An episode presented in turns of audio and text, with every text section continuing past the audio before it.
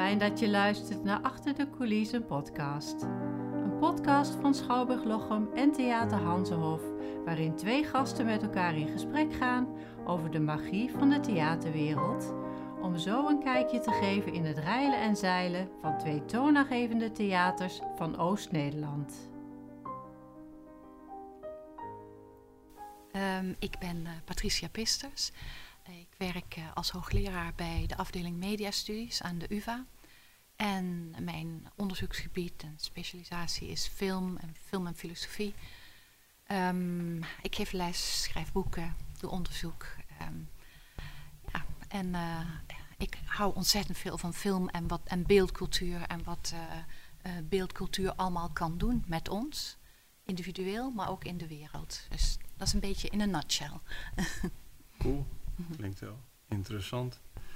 Nou, ik ben Peter Capricias, uh, conceptillustrator, verhalenverteller en uh, docent aan de Hogeschool van Amsterdam.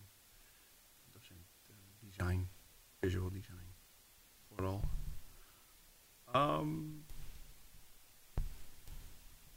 ja, als illustrator en, en, en verhalenverteller ben ik op dit moment heel erg bezig met de vraag van hoe kunnen verhalen uh, het individu en dus uiteindelijk de mensheid helpen door bijvoorbeeld de mentale gezondheid van de consument van het verhaal te vergroten. Als een soort van uh, lens misschien door dit gesprek heen. um, als ik kijk naar mijn lijstje met dingen, vragen en onderwerpen, dan is misschien een van de interessantste dingen. Want je hebt ook veel met uh, neurowetenschap gedaan. Mm -hmm. En daarbij heb je volgens mij gekeken naar hoe film uh, de staat van de kijker beïnvloedt. Uh, ik moet dan zelf gelijk denken aan hoe kan ik iemand met een bepaalde staat, bijvoorbeeld nou, de coronapandemie, er is genoeg angst en stress voor voor heel veel mensen. Um, als verhalenverteller ben ik dan benieuwd, kan ik die staat van stress en angst verminderen? Kan ik mensen via verhalen tools aanreiken, maar kan ik ook de ervaring zelf uh, kalmerend en, en, en rustgevend uh, maken? Dat is vanuit praktisch oogpunt. Mm -hmm. Denk je dat je vanuit neurowetenschap uh, daaraan bijdrage aan kan leveren. Ja, um, ja mijn, uh, mijn oorspronkelijke idee om. Al, ik ben geen neurowetenschapper, ik ben echt een filmwetenschapper. En uh, het basisvertrekpunt van mij is altijd film en soms ook ja, filmfilosofie. Er zijn een aantal filosofen, met name één, Gilles Deleuze, die ooit zei over cinema the brain is the screen. De hersenen, dat, dat is het scherm. En uh, dat was een heel, nou, een intrigerende uitspraak die mij eigenlijk jaren heeft bezig gehouden. En, waar, en uh, ik ben op, echt uh, op zoek gegaan naar wat, wat bedoelt hij daarmee. En dan een van de manieren om daarover na te denken is om dan inderdaad heel concreet dan op zoek te gaan naar neurowetenschappelijke inzichten over hoe het brein werkt, maar ook hoe het brein reageert op verschillende soorten beelden. Uh, en uh, mijn zoektocht was dan, uh, en is nog steeds, op welke manier kunnen we dan zo'n film in dialoog laten gaan met de inzichten die neurowetenschap leveren. Um, en dan, daar valt inderdaad best wel veel van te leren. Maar mijn vraag is ook omgekeerd. Kunnen film of kunstenaars, filmmakers, kunstenaars, ook iets uh, terugbieden in, aan de neurowetenschappen of aan, aan, ja, andere mensen die niet, ja, aan wetenschappers, zeg maar. En dat is niet een heel eenvoudig antwoord op te geven. Maar een van de dingen die mij het meest fascineerde in de neurowetenschappen, of wat een soort beginpunt was, is eigenlijk de ontdekking van uh, de spiegelneuronen. In de neurowetenschap is dat in de jaren 90 zo ongeveer ontdekt. Het is niet totaal onomstreden, maar inmiddels is er wel zoveel onderzoek naar gedaan dat het wel een heel belangrijk veld is, zeg maar. En spiegelneuronen zijn neuronen in ons brein die ehm, gaan vuren, aan het werk gaan als we iets doen. Dus als ik een glas oppak, dan, dan is dat actief. Maar als jij dat glas oppakt en ik kijk ernaar, dan zijn diezelfde, of een deel van diezelfde neuronen, de spiegelneuronen, ook actief. En dat was een soort, ik zag in de jaren negentig ooit een programma over de ontdekking van die uh, spiegelneuronen op televisie. En toen dacht ik, hé, hey, maar nu begrijp ik een beetje wat dat idee kan zijn van de hersenen zijn het scherm. Ehm, want er is een soort directe, er is een direct effect, zeg maar, van wat je ziet of wat je hoort, doet direct iets in je brein. Is dat, is dat dan inlevingsvermogen? Dus als ik ehm. kijk naar iemand die een bepaalde actie mee doet of meemaakt, dan gaat een deel van mijn brein gaat net zo aan als dat ik die actie zelf zou ondernemen. Ja. ja, voor een deel is uh, in de neurowetenschap is het onderzoek voor een deel toen naar aanleiding van die spiegelneuronen gegaan over empathie, dus het sociale brein. Dus dit is hoe we leren om inderdaad je in te voelen in uh, iemand anders emoties. Uh, in iemand, dus het is vanuit acties ook op emoties overgegaan en heeft zeker met een deel, voor een deel met empathie te maken. Um, andere delen in de hersenen die gaan, maken veel meer een omweg via het cognitieve terrein, waarbij je kunt voorstellen dat je zelf in zo'n situatie zou zijn. maar dat is een ander circuit, zeg maar, wat ook in de neurowetenschappen wordt bestudeerd.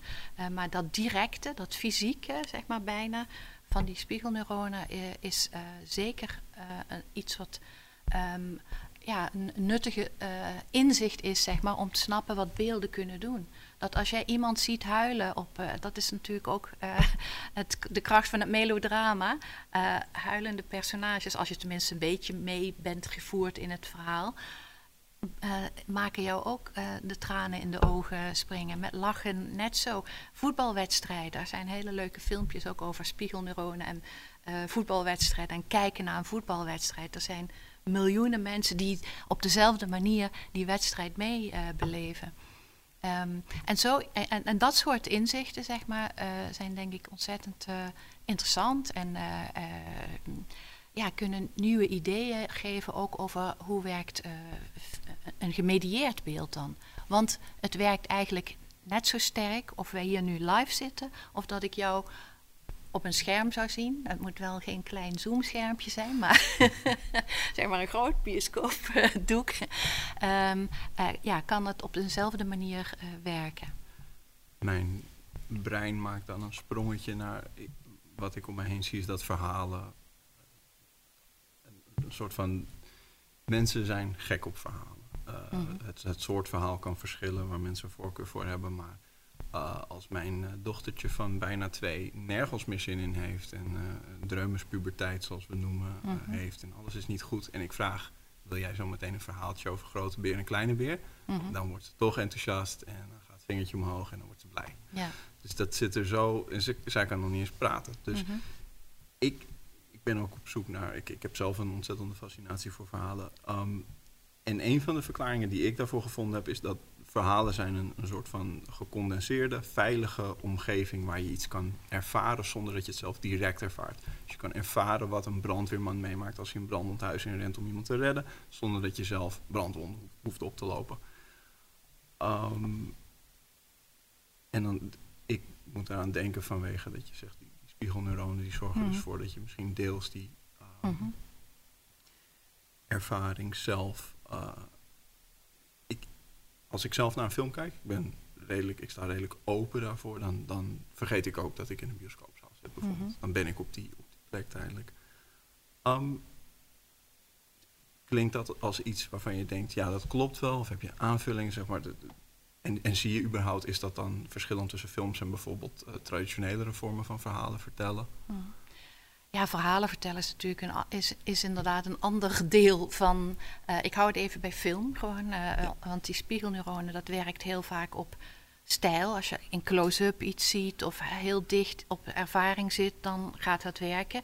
Maar daarnaast en tegelijkertijd, daardoorheen, loopt inderdaad ook een verhaal. En verhalen is inderdaad een ander heel menselijk, humanities uh, uh, kenmerk, waarbij wij ons vormen, onze identiteit vormen, onze levensverhalen vormen. Ook dat is trouwens onderzocht door neurowetenschappers trouwens. Er zijn delen in het cognitieve deel van het, van het brein uh, veel meer die uh, voortdurend uh, je eigen, wat je meemaakt, filtert en een verhaal van maakt. Dus dat is, hè, dat is niet de spiegelneuron. Het brein is zo complex. Ik heb ook ja. absoluut niet de pretentie dat ik daar alles van weet. Maar ook film is complex. of, en mediaervaringen, VR-ervaringen. omdat het al die verschillende sensoren, um, verhaallijnen, het is geluid, het is beeld, het is, um, nou ja, het is een, het is een, een ontwikkeling in de tijd, uh, alles eromheen. En dan zijn verhalen inderdaad dat andere heel belangrijke element.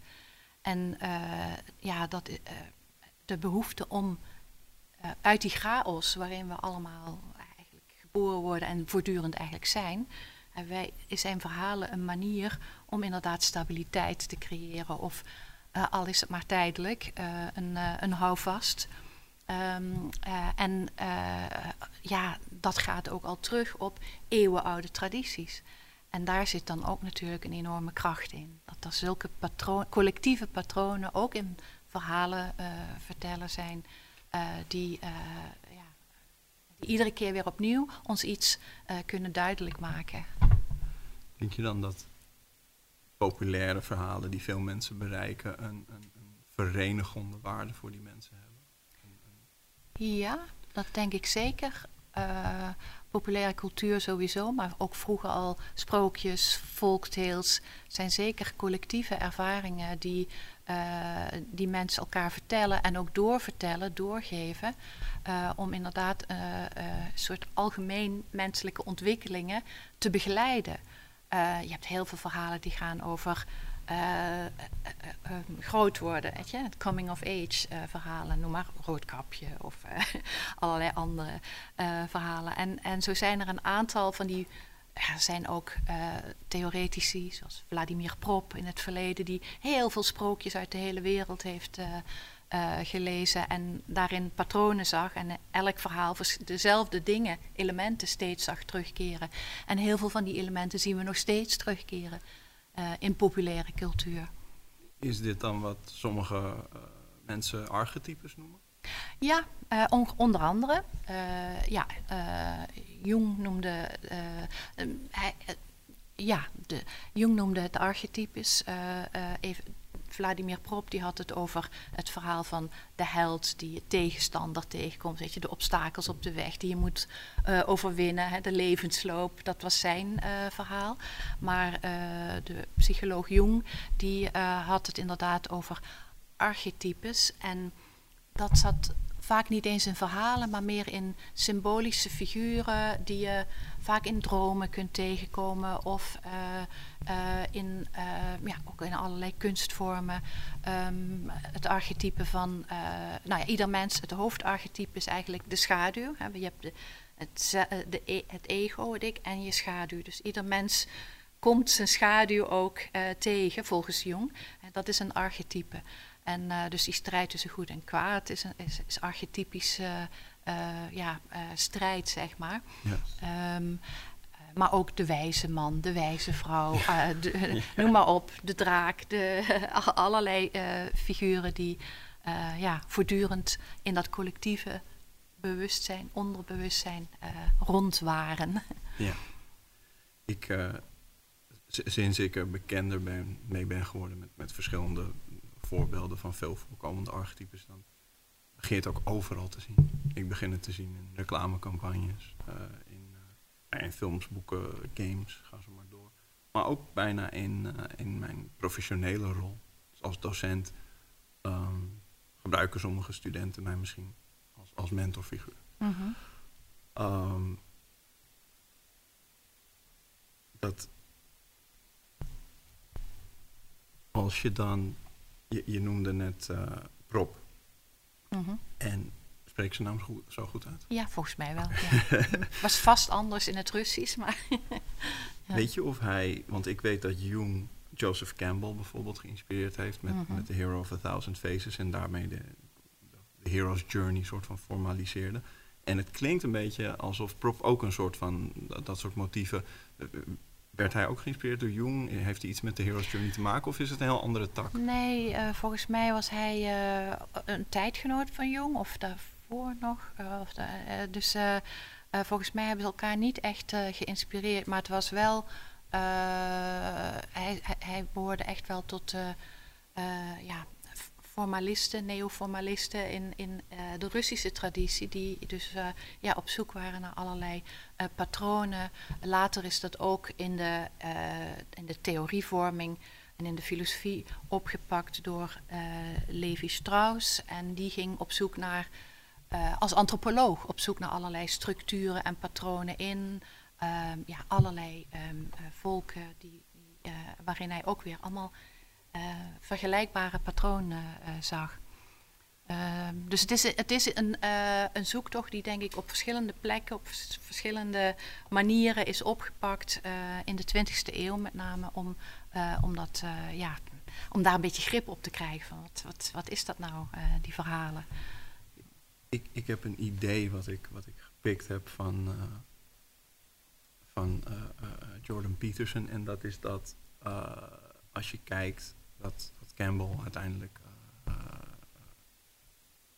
George Lucas, de, de schrijver en, en regisseur van de eerste Star Wars films, of de eerste zes Star Wars films, eh, die baseerde zijn, zijn eerste Star Wars heel erg op die Hero's Journey en op dus die, die bijna universele mythologische structuur.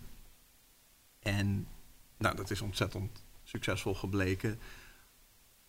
Nou wordt het argument gemaakt dat dat deels te maken heeft doordat wij in het Westen onze spirituele traditie min of meer verloren hebben in de 20e eeuw. Ik zou kunnen zeggen dat die er nog is, maar hoeveel mensen er nog mee doen in hun dagelijks leven, hoeveel zingeving het nog geeft, is maar de vraag. En het argument wordt dan gemaakt van Star Wars biedt in popcultuurvorm eh, een soort van mythologische thema's die je normaal via religie ook kan Mhm. benaderen. En vandaar dan ook bijvoorbeeld de, de, de bijna bedevaartsachtige tafereelen dat mensen drie dagen in een slaapzak voor de bios gaan liggen als deel. Even kijken, dan is het officieel deel 1, maar het was de vierde film Ja. chronologisch die uitkwam eind jaren 90 geloof ik. Mhm. Zie jij daar iets in? Ehm, ja, voor een deel. Eh, d- Er is een, een behoefte aan. hè, eh, je zou kunnen zeggen, veel van die, dit soort films met een enorme fanbasis hebben een soort eh, ritueel, eh, rituele functie of een functie van eh, eh, religie, die religie vroeger eh, had. Ehm, dus dat, dat, dat denk ik dat dat voor een deel eh, wel klopt. Maar ik wil eigenlijk ook wel een, een, een soort kanttekening eh, bij dit soort verhalen zetten, dit Ja, soort eh, patronen. Eh, want wat je wel ziet, en dat is natuurlijk ook iets wat. eh, dit is maar één vorm van eh, populaire cultuur, die weliswaar heel, heel sterk is. Maar het is ook een, een patroon waar heel veel op af te dingen valt. Bijvoorbeeld, ehm, het is een heel ja, dominant, een patriarchaal patroon, waarin er altijd één witte held is en die gaat op zoek. En in, bij Prop was de beloning altijd de prinses op het einde. Altijd, juist. Altijd. Juist. Ehm, en eh, dat, dus om daar tegenwicht aan te bieden, zijn er twee, kun je twee dingen doen. En dat gebeurt ook allemaal, want de cultuur is ontzettend rijk en ook de filmcultuur. Ja. Je kunt ofwel andere helden creëren. Kijk naar eh, eh, Black Panthers, kijk naar, kijk naar ja, de, de vrouwelijke superhelden. En dus dat is een manier dat je dat, dat hele mythologische narratief opent. Ja. En een andere manier is ook om gewoon juist andersoortige verhalen te vertellen. Want die zijn er natuurlijk ook. Ja, ja, er is een heel groot gevaar met die hele Hero's Journey. Dat, Ja. dat heel Hollywood is in de jaren tachtig daardoor gevangen, mede dankzij Star Wars. En dan wordt het bijna een, eh, een, een restrictie, iets wat je, het, het moet daaraan voldoen. Terwijl Ja, dat- precies. ik, ik zie het meer als een bruikbare tool om, eh, Nou ja, als een soort van structuur. Als je misschien niet, even niet weet waar als verhalenmaker welke kant ja, je op ja, moet. Ja, ja. ja, en ik denk dat dat op zich heel goed is en heel interessant. Maar ik denk dat het ook heel goed is om die beperkingen daarvan eh, te zien. Ja. En ik heb zelf eh, namelijk een, eh, net een, een boek gepubliceerd over vrouwelijke filmmakers die horror, het, zich het horrorgenre hebben toegeëigend. En in horror, traditioneel gezien, heb je daar natuurlijk ook allemaal heel veel archetypische figuren. Je hebt het monster, eh, de held, je hebt eh, het slachtoffer, nou, noem maar op. Ehm, en eh, in de jaren 70, 80 zijn ontzettend veel van die horrorfilms, de slasherfilm, de possessionfilm, noem maar op, die zijn ook geanalyseerd door feministes en, en vrouwen. Die hebben laten zien dat eigenlijk al die films, allemaal gemaakt door mannelijke makers, eh, gaan over een angst voor vrouwelijke seksualiteit, bijvoorbeeld. Alien, kijk, dat is de almachtige moeder, zeg maar, symbolisch gezien. Hè? We moeten hier in talen van symboliek eh, praten. Ja, uiteraard. Eh, en en eigenlijk kun je dat, dat is ook een patroon wat zij hebben blootgelegd. Nou, er waren weinig vrouwelijke filmmakers in de jaren 70 en 80 die echt het horrorgenre omarmden. Bijna niet. Zijn er wel een paar uitzonderingen. En maar wat je de laatste jaren ziet, de laatste, nou ja, de laatste twintig jaar ongeveer, is dat veel vrouwen zich toch ook die beeldtaal eh, zijn gaan toe-eigenen en hebben geïntegreerd in hun eigen verhaal. En daardoor ontstaat er opeens een heel rijk palet aan allerlei variaties en varianten op die eh, vaste patronen, waarbij je ook weer nieuwe dingen kunt zien, nieuwe inzichten eh, kunt krijgen. Dus het horrorgenre bijvoorbeeld, als we het hebben over emoties en die spiegelneuronen van het begin. Als je ehm, in, het- in het horrorgenre zijn er twee basisemoties, eigenlijk drie. Eén is eh, angst natuurlijk en het andere is walging. Want ja, wat je ziet, je, oh, het is ook een soort uitdrijvingsritueel, hè, moderne uitdrijvingsritueel. En tegelijkertijd fascinaties, omdat, omdat je de luxe hebt om gefascineerd te kunnen zijn, omdat wat jij net noemde, die veilige ruimte, het is daar, het is niet hier, maar je kunt het wel meemaken.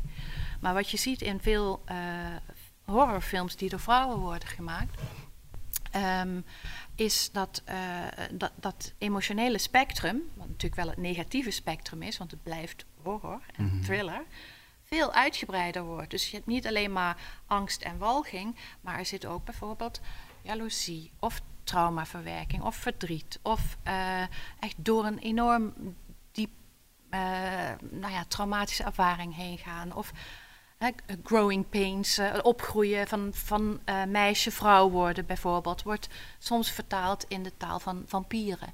Maar, Carrie, eh, heel letterlijk hè.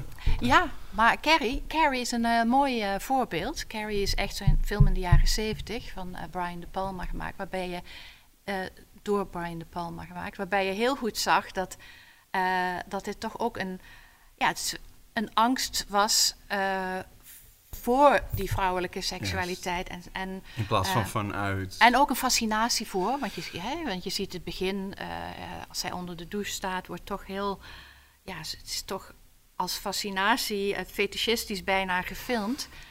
Ehm, Terwijl diezelfde Carrie is her, opnieuw gemaakt door een vrouw. En veel van het verhaal is hetzelfde, maar er zijn toch een paar details die anders zijn, waardoor je eigenlijk het perspectief net iets verlegt. En eh, Carrie wordt daar niet op die manier zo heel gefascineerd, fetischistisch in beeld gebracht, Eh, maar zij ontdekt haar eigen krachten. Ja. Dus ze ontdekt dat ze telekinetische kracht heeft en gaat proberen daarmee te oefenen en te werken. En er is een perspectief, begint met een proloog die nieuw is, waarbij haar moeder eh, van haar bevalt. Dus je krijgt het perspectief vanuit een vrouwelijk personage, wat ook niet weet wat daar overkomt, zeg maar. Ehm, en dat soort dingen zie je dus voortdurend gebeuren. en dat vind ik dus ontzettend interessant. Hoe je vanaf dat, dat ene verhaal dat we kennen, hoe daar zoveel meer verhalen aan te koppelen zijn of uit te halen zijn. Of, ehm, ja. En, en, en denk je dat zo'n fris perspectief, want ik, ik ben zelf ook bezig met het idee van oké, je, hebt, je hebt de archetypes en je hebt een soort van de, de, de platgebaande paden waarop die eh, zich vaak manifesteren. En dat, dat vind ik zelf niet erg, weet je. Dus Gandalf in Lord of the Rings is een, eh, een oude blanke man met een grijze baard. En Dumbledore in Harry Potter is een oude blanke man met een grijze baard. En Yoda in eh, Star Wars is dan, nou ja, hij heeft geen grijze baard, maar het is ook een oud mannetje. En het, het zijn Mhm. allemaal mentoren. Oude mannetjes. En wat, wat dan wat mij interessant leek is, wat als je het archetype mentor terug laat komen in een, een klein meisje, bijvoorbeeld. maar, Mhm. maar, maar dat kleine meisje vervult wel. Ik weet niet of, of, dan het, of, dat, of dat kan werken. Het lijkt me een, een leuk experiment. Ik heb daar zelf nog niet echt Mhm. iets mee gedaan, maar dat, dat je dus wel de, de archetypische structuur ziet, maar dat je zegt: ik ga hem, Ja. ik ga hem net verplaatsen naar eh, buiten de, paden. Ja, dat is een eh, interessant eh, experiment. Ja, ik denk meteen aan Alice in Wonderland. Dat is natuurlijk een klein meisje die ook een soort archetype is. Eh, maar, en, zij is eigenlijk het archetype van het openen van heel onbekende werelden. Ehm, en ja, ik ben op dit moment ook veel bezig met de psychedelische renaissance en de rol van psychedelica in vergelijking en in verhouding tot film en beeldcultuur. En Alice in Wonderland is daar, je zou kunnen zeggen, is daar het archetype. Eh, denk maar aan Jefferson Air- Airplane, maar werk, komt werkelijk elke keer terug eh, om, eh, ja, om juist allerlei doors of perceptions te openen. Dus, dus er is eigenlijk al een archetype. Ze is geen, ja, of ze wijs is. Ze is in ieder geval opent een ander soort wijsheid eh, eh, die allerlei kanten op kan gaan. Deur naar een, een andere wereld waar, eh, waar magische dingen Ja. mogelijk zijn. Ik wil heel, ik weet niet of het kort is, maar ik wil heel even terug naar, je, je beschreef net eh, horror en dan de drie basisemoties waar daar veel mee gespeeld wordt. Mhm. Ehm, en je, zei, je, je noemde ook traumaverwerking. Als ik kijk naar mijn eigen eh, jeugd, ik had niet altijd even makkelijke jeugd en ik was een vrij angstig kind, een Mhm. beetje neurotisch. En ik was compleet gefascineerd door horror. Dus als ik in Mhm. een eh, cd-winkel was, dan was ik in de metalhoek de enge platenhoes aan het bekijken. Ik was Mhm. aan de ene kant was ik helemaal freaked out. Ik wist niet wat ik zag. Ik wilde er eigenlijk niet naar kijken. Ja. Maar ik kon bijna niet anders. Mhm. En eh, dat heeft echt tot, tot, tot, tot ver in mijn puberteit geduurd. Dat ik dacht van, ik ben de hele tijd horror aan het kijken. Waarom? Ik ben mezelf er ook voor een deel mee aan het martelen of zo. Ik moet daarmee stoppen. En toen ben ik bijvoorbeeld heel veel Disney en Pixar films gaan kijken. Om dat een beetje uit te balanceren. Dat was in mijn hoofd van, oké, dan kan ik dat op die manier. Ja. Dus ik, maar ik stel mezelf nog steeds die vraag. En ik weet niet helemaal zeker van, is het dan dat een angstig aangelegd iemand zoals ik was. En ik maakte angstige dingen mee in mijn dagelijks leven. Vond ik dan in horror een misschien een, een, een, een verklaring. Of een, want in de meeste populaire media wordt dat, nou ja, Mhm. die extremen worden geschuwd. Ehm, wat, wat, wat, haalde, wat haalde ik daar dan uit? Dat is een. Ja. ja, Ik wil kan- ik niet, per se dat ik die vraag aan jou stel, maar, ja. maar je, je, je zei iets over traumaverwerking en ik dacht Ja. van hé, hey, Ja, nou kijk, eh, ik denk wel dat eh, het horrorgenre eh, een manier is om uitdrukking te geven aan allerlei nou ja, angstige angsten die we hebben, bewust of onbewust. Ehm, en op die manier kan het, werk, kan het ook als een soort eh catharsis werken. Of, eh, want je, het is ook een soort eh, ja, confrontatie met die angsten. Precies, dus zou het een veilige manier kunnen zijn voor mij om, om een soort van gereedschappen te gaan verzamelen die ik zou onbewust doen, want dit wist ik natuurlijk niet als, Nee, als, ja. als jonge tiener, maar ehm, dat ik daar onbewust gefascineerd door was doordat ik ergens iets, iets nodig had wa- waar horror misschien antwoord op geeft. Hoe ga je om met dit soort? Mhm. Ik denk dat goede horror ehm, Ja. kan aan de ene kant een verschrikkelijke waarschuwing zijn, maar het kan Mhm. soms ook een hoopvol eh, antwoord bieden op. eh, Ja. ja, zeker. Ik denk dat wij eh, als mens eh, onbewust heel vaak opzoeken wat we nodig hebben. Ook al, eh, ook al is dat iets negatiefs, soms heb je dat nodig om, Ja. om, eh, om ergens eh, te komen. En iets wat in de schaduw ja, leeft. Ja, ja, het is ook een confrontatie met je schaduw misschien. Die, hè, volgens Jung moeten we daar allemaal ook ons bewust van zijn of, of daardoor doorheen. Ehm, en ja, wat ik interessant vind, ik zat, kwam net weer even terug op dat bredere perspectief, weet je, van, van eh, traumaverwerking. Ik, nog even een, een voorbeeld, misschien een heel recent voorbeeld van eh, een eh, horrorfilm geregisseerd door een vrouw, is natuurlijk de film die Cannes heeft gewonnen. Julia Durkonau's Titan. Heb je die al gezien? Ik heb die gemist. Ja. Maar Nou, het is echt een horrorfilm hoor. Echt, en dan ook horror in de zin van body horror. Het is heel fysiek en extreem en enorm getraumatiseerde personages eigenlijk. Eh, Met eh, vooral de twee hoofdpersonages. En uiteindelijk, doorheen die hele taal eh, van het, het horrorgenre, is er op het einde toch een, een enorm mooi moment. En zie je op een of andere manier dat het ondanks al die hardheid en al die verschrikking een soort ja, eeuwige liefdesverklaring is of zo. En dat is zo mooi en krachtig gedaan, waardoor je op dat moment, maar helemaal op het einde van de film pas denkt: wow, wow. is het dan dat contrast, dus het contrast tussen dat extreme wat dan e- eerder in de film zit en dan die, die liefdesverklaring, ehm, is het dat ook het contrast die dingen versterkt? Want als ik kijk als visual designer of illustrator, dan gebruiken wij contrast om dingen kracht bij te zetten. Ja, Dus als ik iets eh, hard wil laten lijken, dan combineer ik een paar puntige vormen met heel veel ronde vormen. Steken die puntige vormen extra af. Ehm, en dan moet ik ook denken, heb je 1917 gezien? Die film over de Eerste Wereldoorlog van drie jaar geleden. Die had hele lange takes. ja, ja. ja. Wat mij daar zo opviel was, Ja. ik, ik, toen ik in die film zat probeerde ik te letten op het emotionele ritme van het verhaal. En er zit natuurlijk, nou ja, hij, de, een van de hoofdpersonen gaat op een gegeven moment met zijn hand een lijk in. Nou, echt de, die, die disgust eh, Mhm. dingen zaten daar heel sterk in. Maar dan zit er in het, zo'n soort van op 60% van de film zit er bijna, komt die een, een, een meisje tegen met een baby. En dat is een soort van rustpunt. Bijna Mhm. een spiritueel eh, eh, rustpunt voor de film. Zo ervoer ik dat in ieder geval. En ik dacht van ja, dit, dit is juist zo krachtig, omdat het in zo'n context van die Eerste Wereldoorlog met al die verschrikkingen ervoor en daarna ook, Mhm. daardoor juist wordt dat de, de teerheid van dat babytje bijvoorbeeld benadrukt. Ja, ik denk in Titan is dat niet op die manier eh, het geval. Ja, ik wil de film niet verklappen, dus ik ga niks zeggen. Eh, dat, maar eh, het is niet het contrast. Het is juist door die heftigheid heen dat je denkt: hier, hier gebeurt iets heel bijzonders.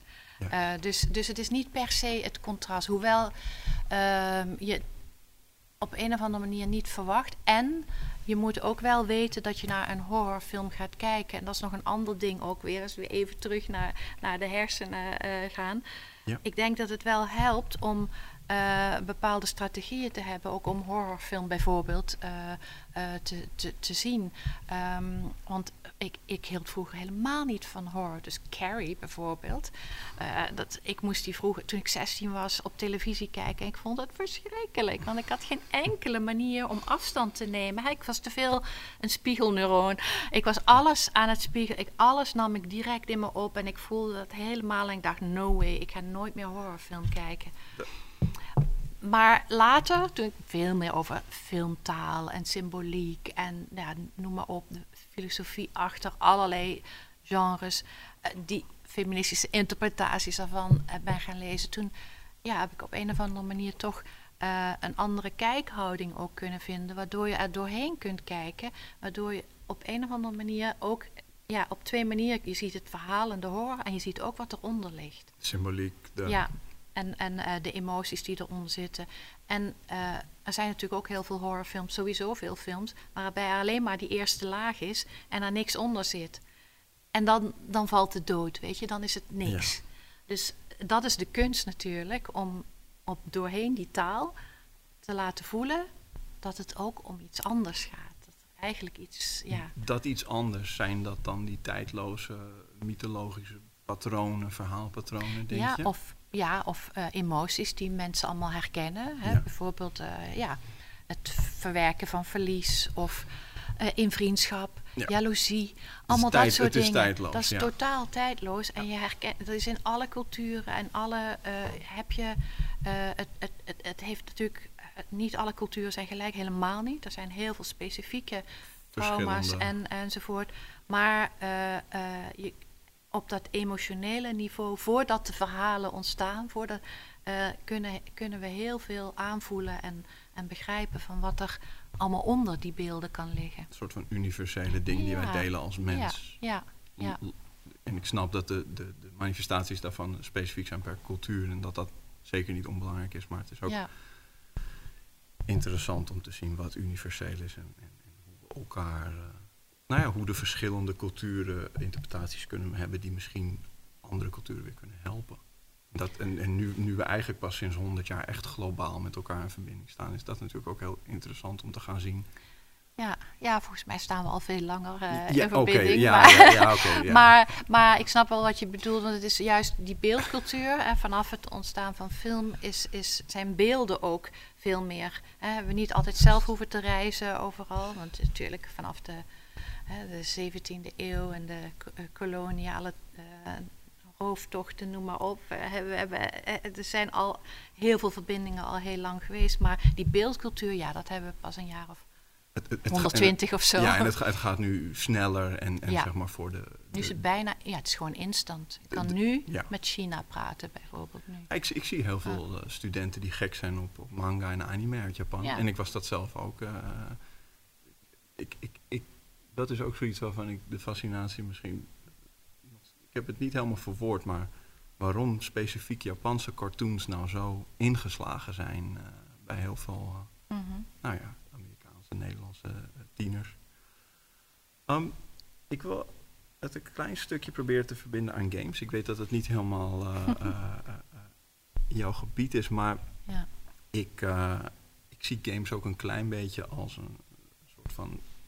Kan film daar eh, nog verder groeien? Weet je, kunnen we uiteindelijk interactieve films eh, gaan beleven? Er zijn denk ik een paar games zoals Mass Effect 2 die dat geprobeerd hebben en daar redelijk in geslaagd zijn. Waarbij je dus als speler echt invloed op het plot hebt en op het Mhm. scenario. En je keuzes dus bepalen welke personages er, er blijven leven bijvoorbeeld. En hoe het verhaal ook eindigt.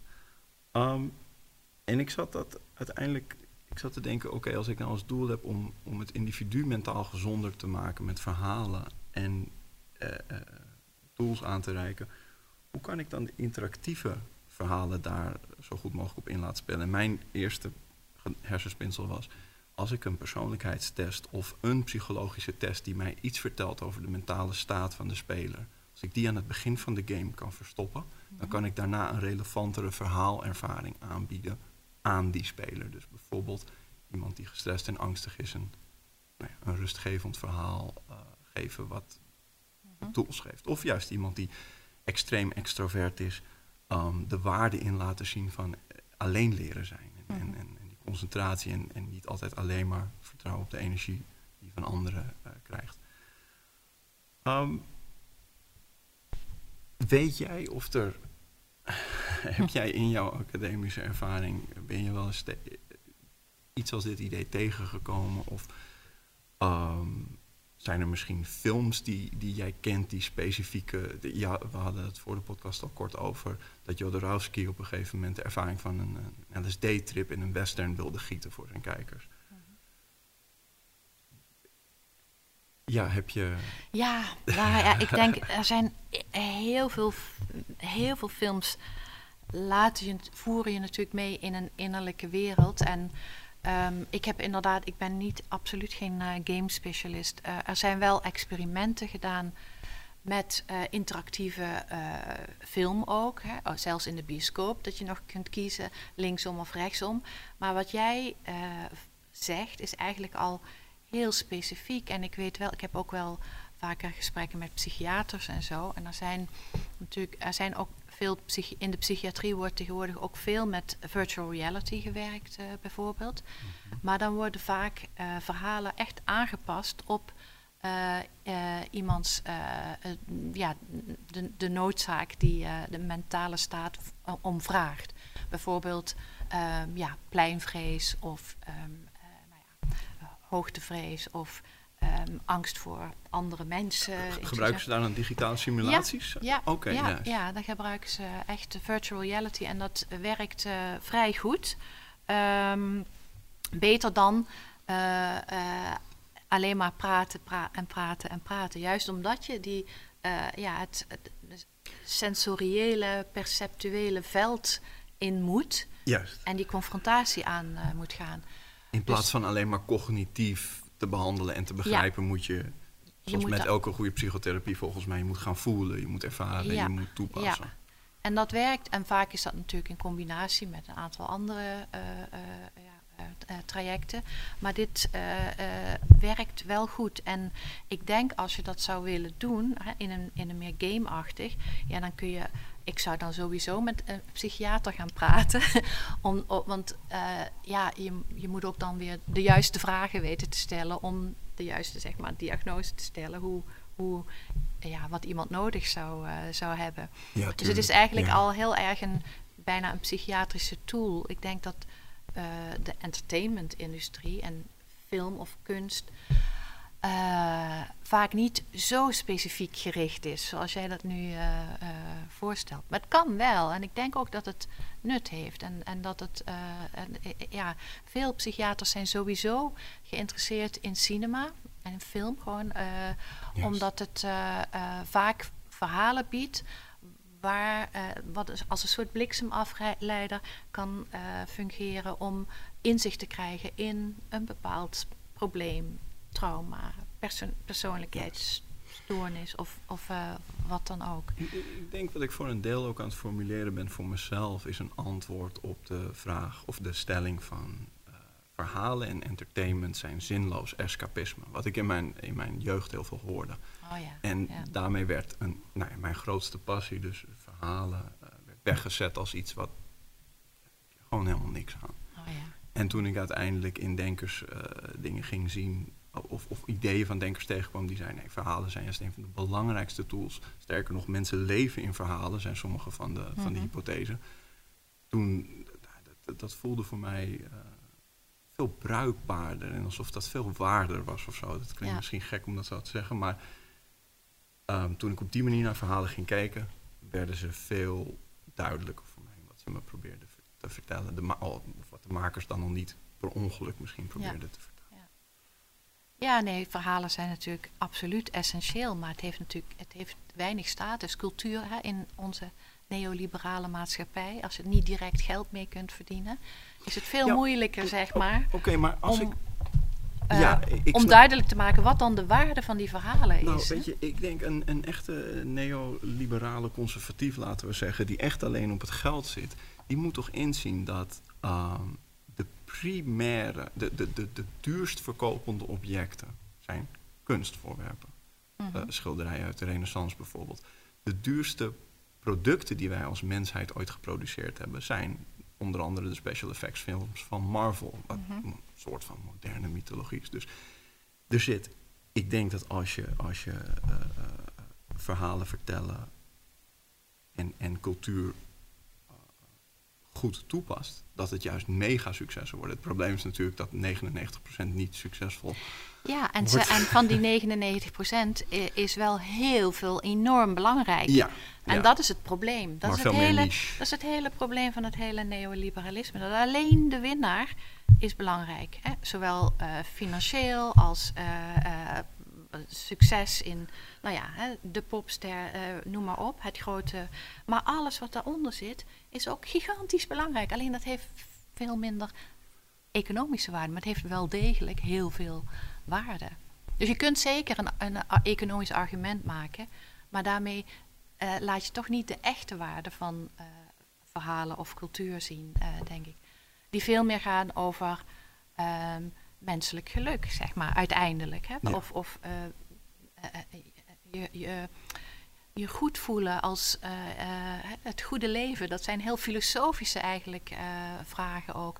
Juist. Ehm, en ik heb net, ik vertelde net even over, ik heb vanochtend les gegeven eh, en we hadden het onder andere over Alejandro Jodorowsky. En hij heeft ehm, ehm, eh, een, een, een therapievorm, zeg maar, eh, ontdekt of, of ge- gecreëerd, ontwikkeld eigenlijk. Waarin eh, juist verhalen, symbolen, de taal van het onbewuste heel belangrijk zijn. En wat hij doet, het is een soort psychoanalyse, maar niet met woorden. Wat hij doet en wat hij eigenlijk ook, zijn eigen films zelf zijn dat ook, is dat hij, hij luistert heel goed wat hè, mensen komen met een probleem bij hem. En hij geeft dan heel toegespitst op die persoon, deze persoon, een wat hij noemt psychomagic act. En dan moeten ze iets doen. Dat kan van alles. Het kan een uh, pompoen uh, uh, um, kapot slaan om, om over familietrauma's te zijn. Hij heeft, nou ja, het kan, het, het, er is een mooie film, documentaire over. Die is echt de moeite waard, Psycho Magic. Um, maar dat laat vooral ook zien en dat is ook Jodorowsky's stelling als kunstenaar, dat vooral creativiteit, het imaginaire, verhalen vertellen, die symboliek, dat dat zo ontzettend belangrijk is om onszelf uh, te begrijpen, om onszelf uh, een, een, plek te geven, om door te kunnen gaan uh, in het leven. En dat laat hij heel mooi in die, in die film zien, maar ook in zijn eigen films. Eigenlijk zijn al zijn films zijn eigen psychomagic acts, die hij op zijn eigen leven uh, toepast. Weet je, om via het performen van verhalen, via symbolen, uh, via acties, uh, door een trauma heen te gaan. Ja? En, of, Begrip te vergroten. Ja, absoluut. En het is, ja, die film is echt de moeite waard, omdat je ziet dat elk personage op een of andere manier door iets heel bizars, het is echt allemaal het is niet logisch, maar dat zegt hij ook. Hij probeert juist uh, het, uh, het, bewuste, de taal van het onbewuste ja, te laten zien. Soms zijn ook ideeën over dromen dat, um, dat, het, dat het een verwerking is. En dat juist het, het, het niet logische, het niet rationele, het kunnen schuiven met uh, categorieën in de droom. Dus je, je, staat in een snackbar en opeens sta je in de huiskamer van je ouders met de zakpatat nog in je hand. Mhm. Dat dat juist um, soms de vrijheid biedt om, om symbolen te kunnen zien die, die, die een ja. persoon verder helpen of zo. Ja, precies. Dat woord vrijheid is heel belangrijk. En vrijheid zit in je.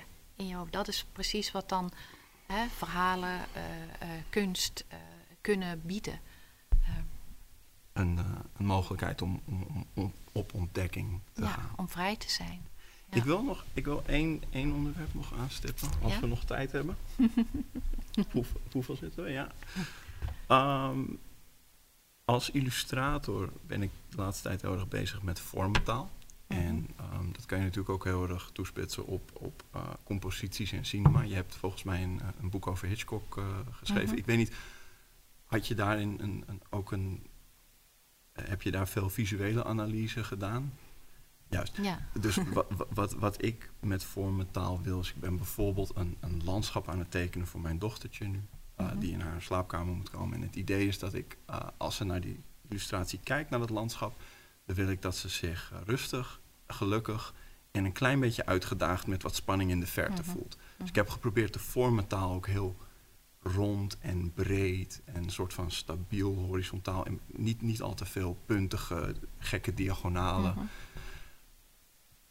Heb jij hier. Um,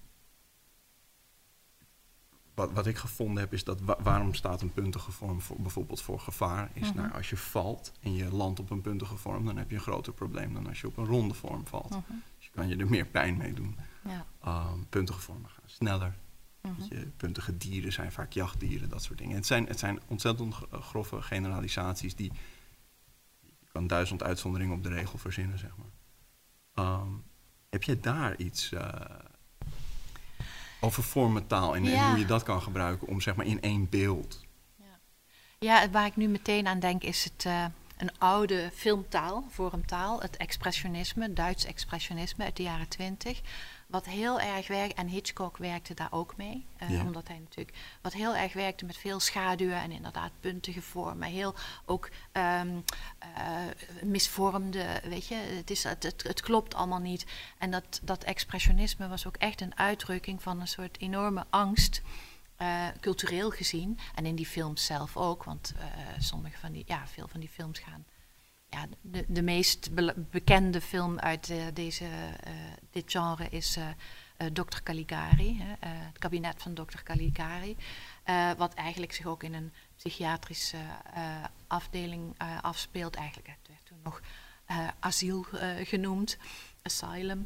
Um, en wat we daar zien is, is zo'n beangstigende wereld. En daar zitten inderdaad veel punten, schaduwen, donkere vormen, uh, ja, dingen die je in de schaduw niet kunt zien, is, boezemt natuurlijk meer angst in dan een verlicht lang- landschap waarin je alles eh, ziet komen. Ja. Dus dat, eh, maar er zijn dus ook filmmakers die daar dan weer mee spelen. Zoals Midsummer is een van de ja. eh, horrorfilm die dan meteen naar boven komt drijven. Waarin alles in licht baat. Ja. En toch enorme, nou ja, Zie gekte. daar het, het, het, het net verbuigen van het archetype. Dus de archetypische beeldtaal die bij horror hoort, wordt daarin verbogen en, en Ja. daardoor pervers en bijna extra creepy of zo. ja het- Ik, eh, ik ben zo geschrokken van zijn film. Het Ari Aster, geloof Mhm. ik toch? Die film die hij daarvoor heeft gemaakt. ehm, eh, eh, eh, even kijken hoor. Eh, Hereditary. oh ja, Hereditary. Daar heb ik, eh, eh, nou, zolang als de film duurde, met mijn eh, nagels in de bioscoopstoel gezeten. Dat wa- was voor mij een soort van de ultieme horrorervaring in recente jaren. Ik heb met zomaar ook gewoon nog niet aangedurfd. Ik Ja. had zoiets van, ik, ga, ik heb de trailer gezien, maar ik laat hem nog even zitten. Ehm, Ja, nee, dat is ook dat is heel goed. Als je met, met alles eigenlijk, als je niet denkt dat je het wil zien, moet je het ook gewoon niet doen. die, Hereditary vond ik de perfecte combi van bijna psychologisch drama met, met disgust, inderdaad, eh, die, af, Mhm. die, die afgrijzelijkheid en dan ook... eh, nou ja, maar goed, wel in het traditionele patroon nog, vond ik, Hereditary. En, Ja, en, meer, eh, meer traditionele horror ja, dan met ja, dan. Ja, ja, en ook eh, veel vrouwelijke filmmakers die horror gebruiken, die doen toch net allemaal weer andere dingen. Ja. ja je hebt, je- er zit toch een, een, een, eh, ja, een verschil in perspectief daar, wat, wat heel interessant is. Om nu, nu dingen meer, soort van, nu, nu verschillende mensen meer gelijke kansen hebben om te zien wat er dan Ja, boven super- komt drijven in de cultuur. Super interessant, ja. ja. Welke, en, en helemaal met de, bevrijding van een mobiele telefooncamera is misschien beter dan een filmcamera uit de jaren 50 of zo. ja. Ik, ik weet niet zeker of dat technisch helemaal correct is, maar Nee. iedereen je kan kunt- op YouTube je kunt het- je in kunt, principe ja. een, een, een film maken. Ja. Ehm, en we kunnen er met z'n allen op, op stemmen door er naar te kijken. Ehm, heb jij afsluitend nog? Ehm, nee. ik heb, eh, eh, ja, ik zou nog eh, uren door kunnen gaan, maar Ik ik, denk dat het ook goed is om af te sluiten. Ik vond het een Ja. erg fijn gesprek, dankjewel. ja, ik ook, dankjewel. Ehm, en ik, ik wil graag van je horen als jij nog toevallig psychiaters of, of academici weet die met die game simulaties werken om, eh, Ja, om psychotherapie aan te bieden. Want ik zou daar eh, meer aan de entertainment kant zou ik daar heel graag iets mee willen gaan doen. ja. Ik zal je een lijstje namen doorsturen. Bedankt. Oké.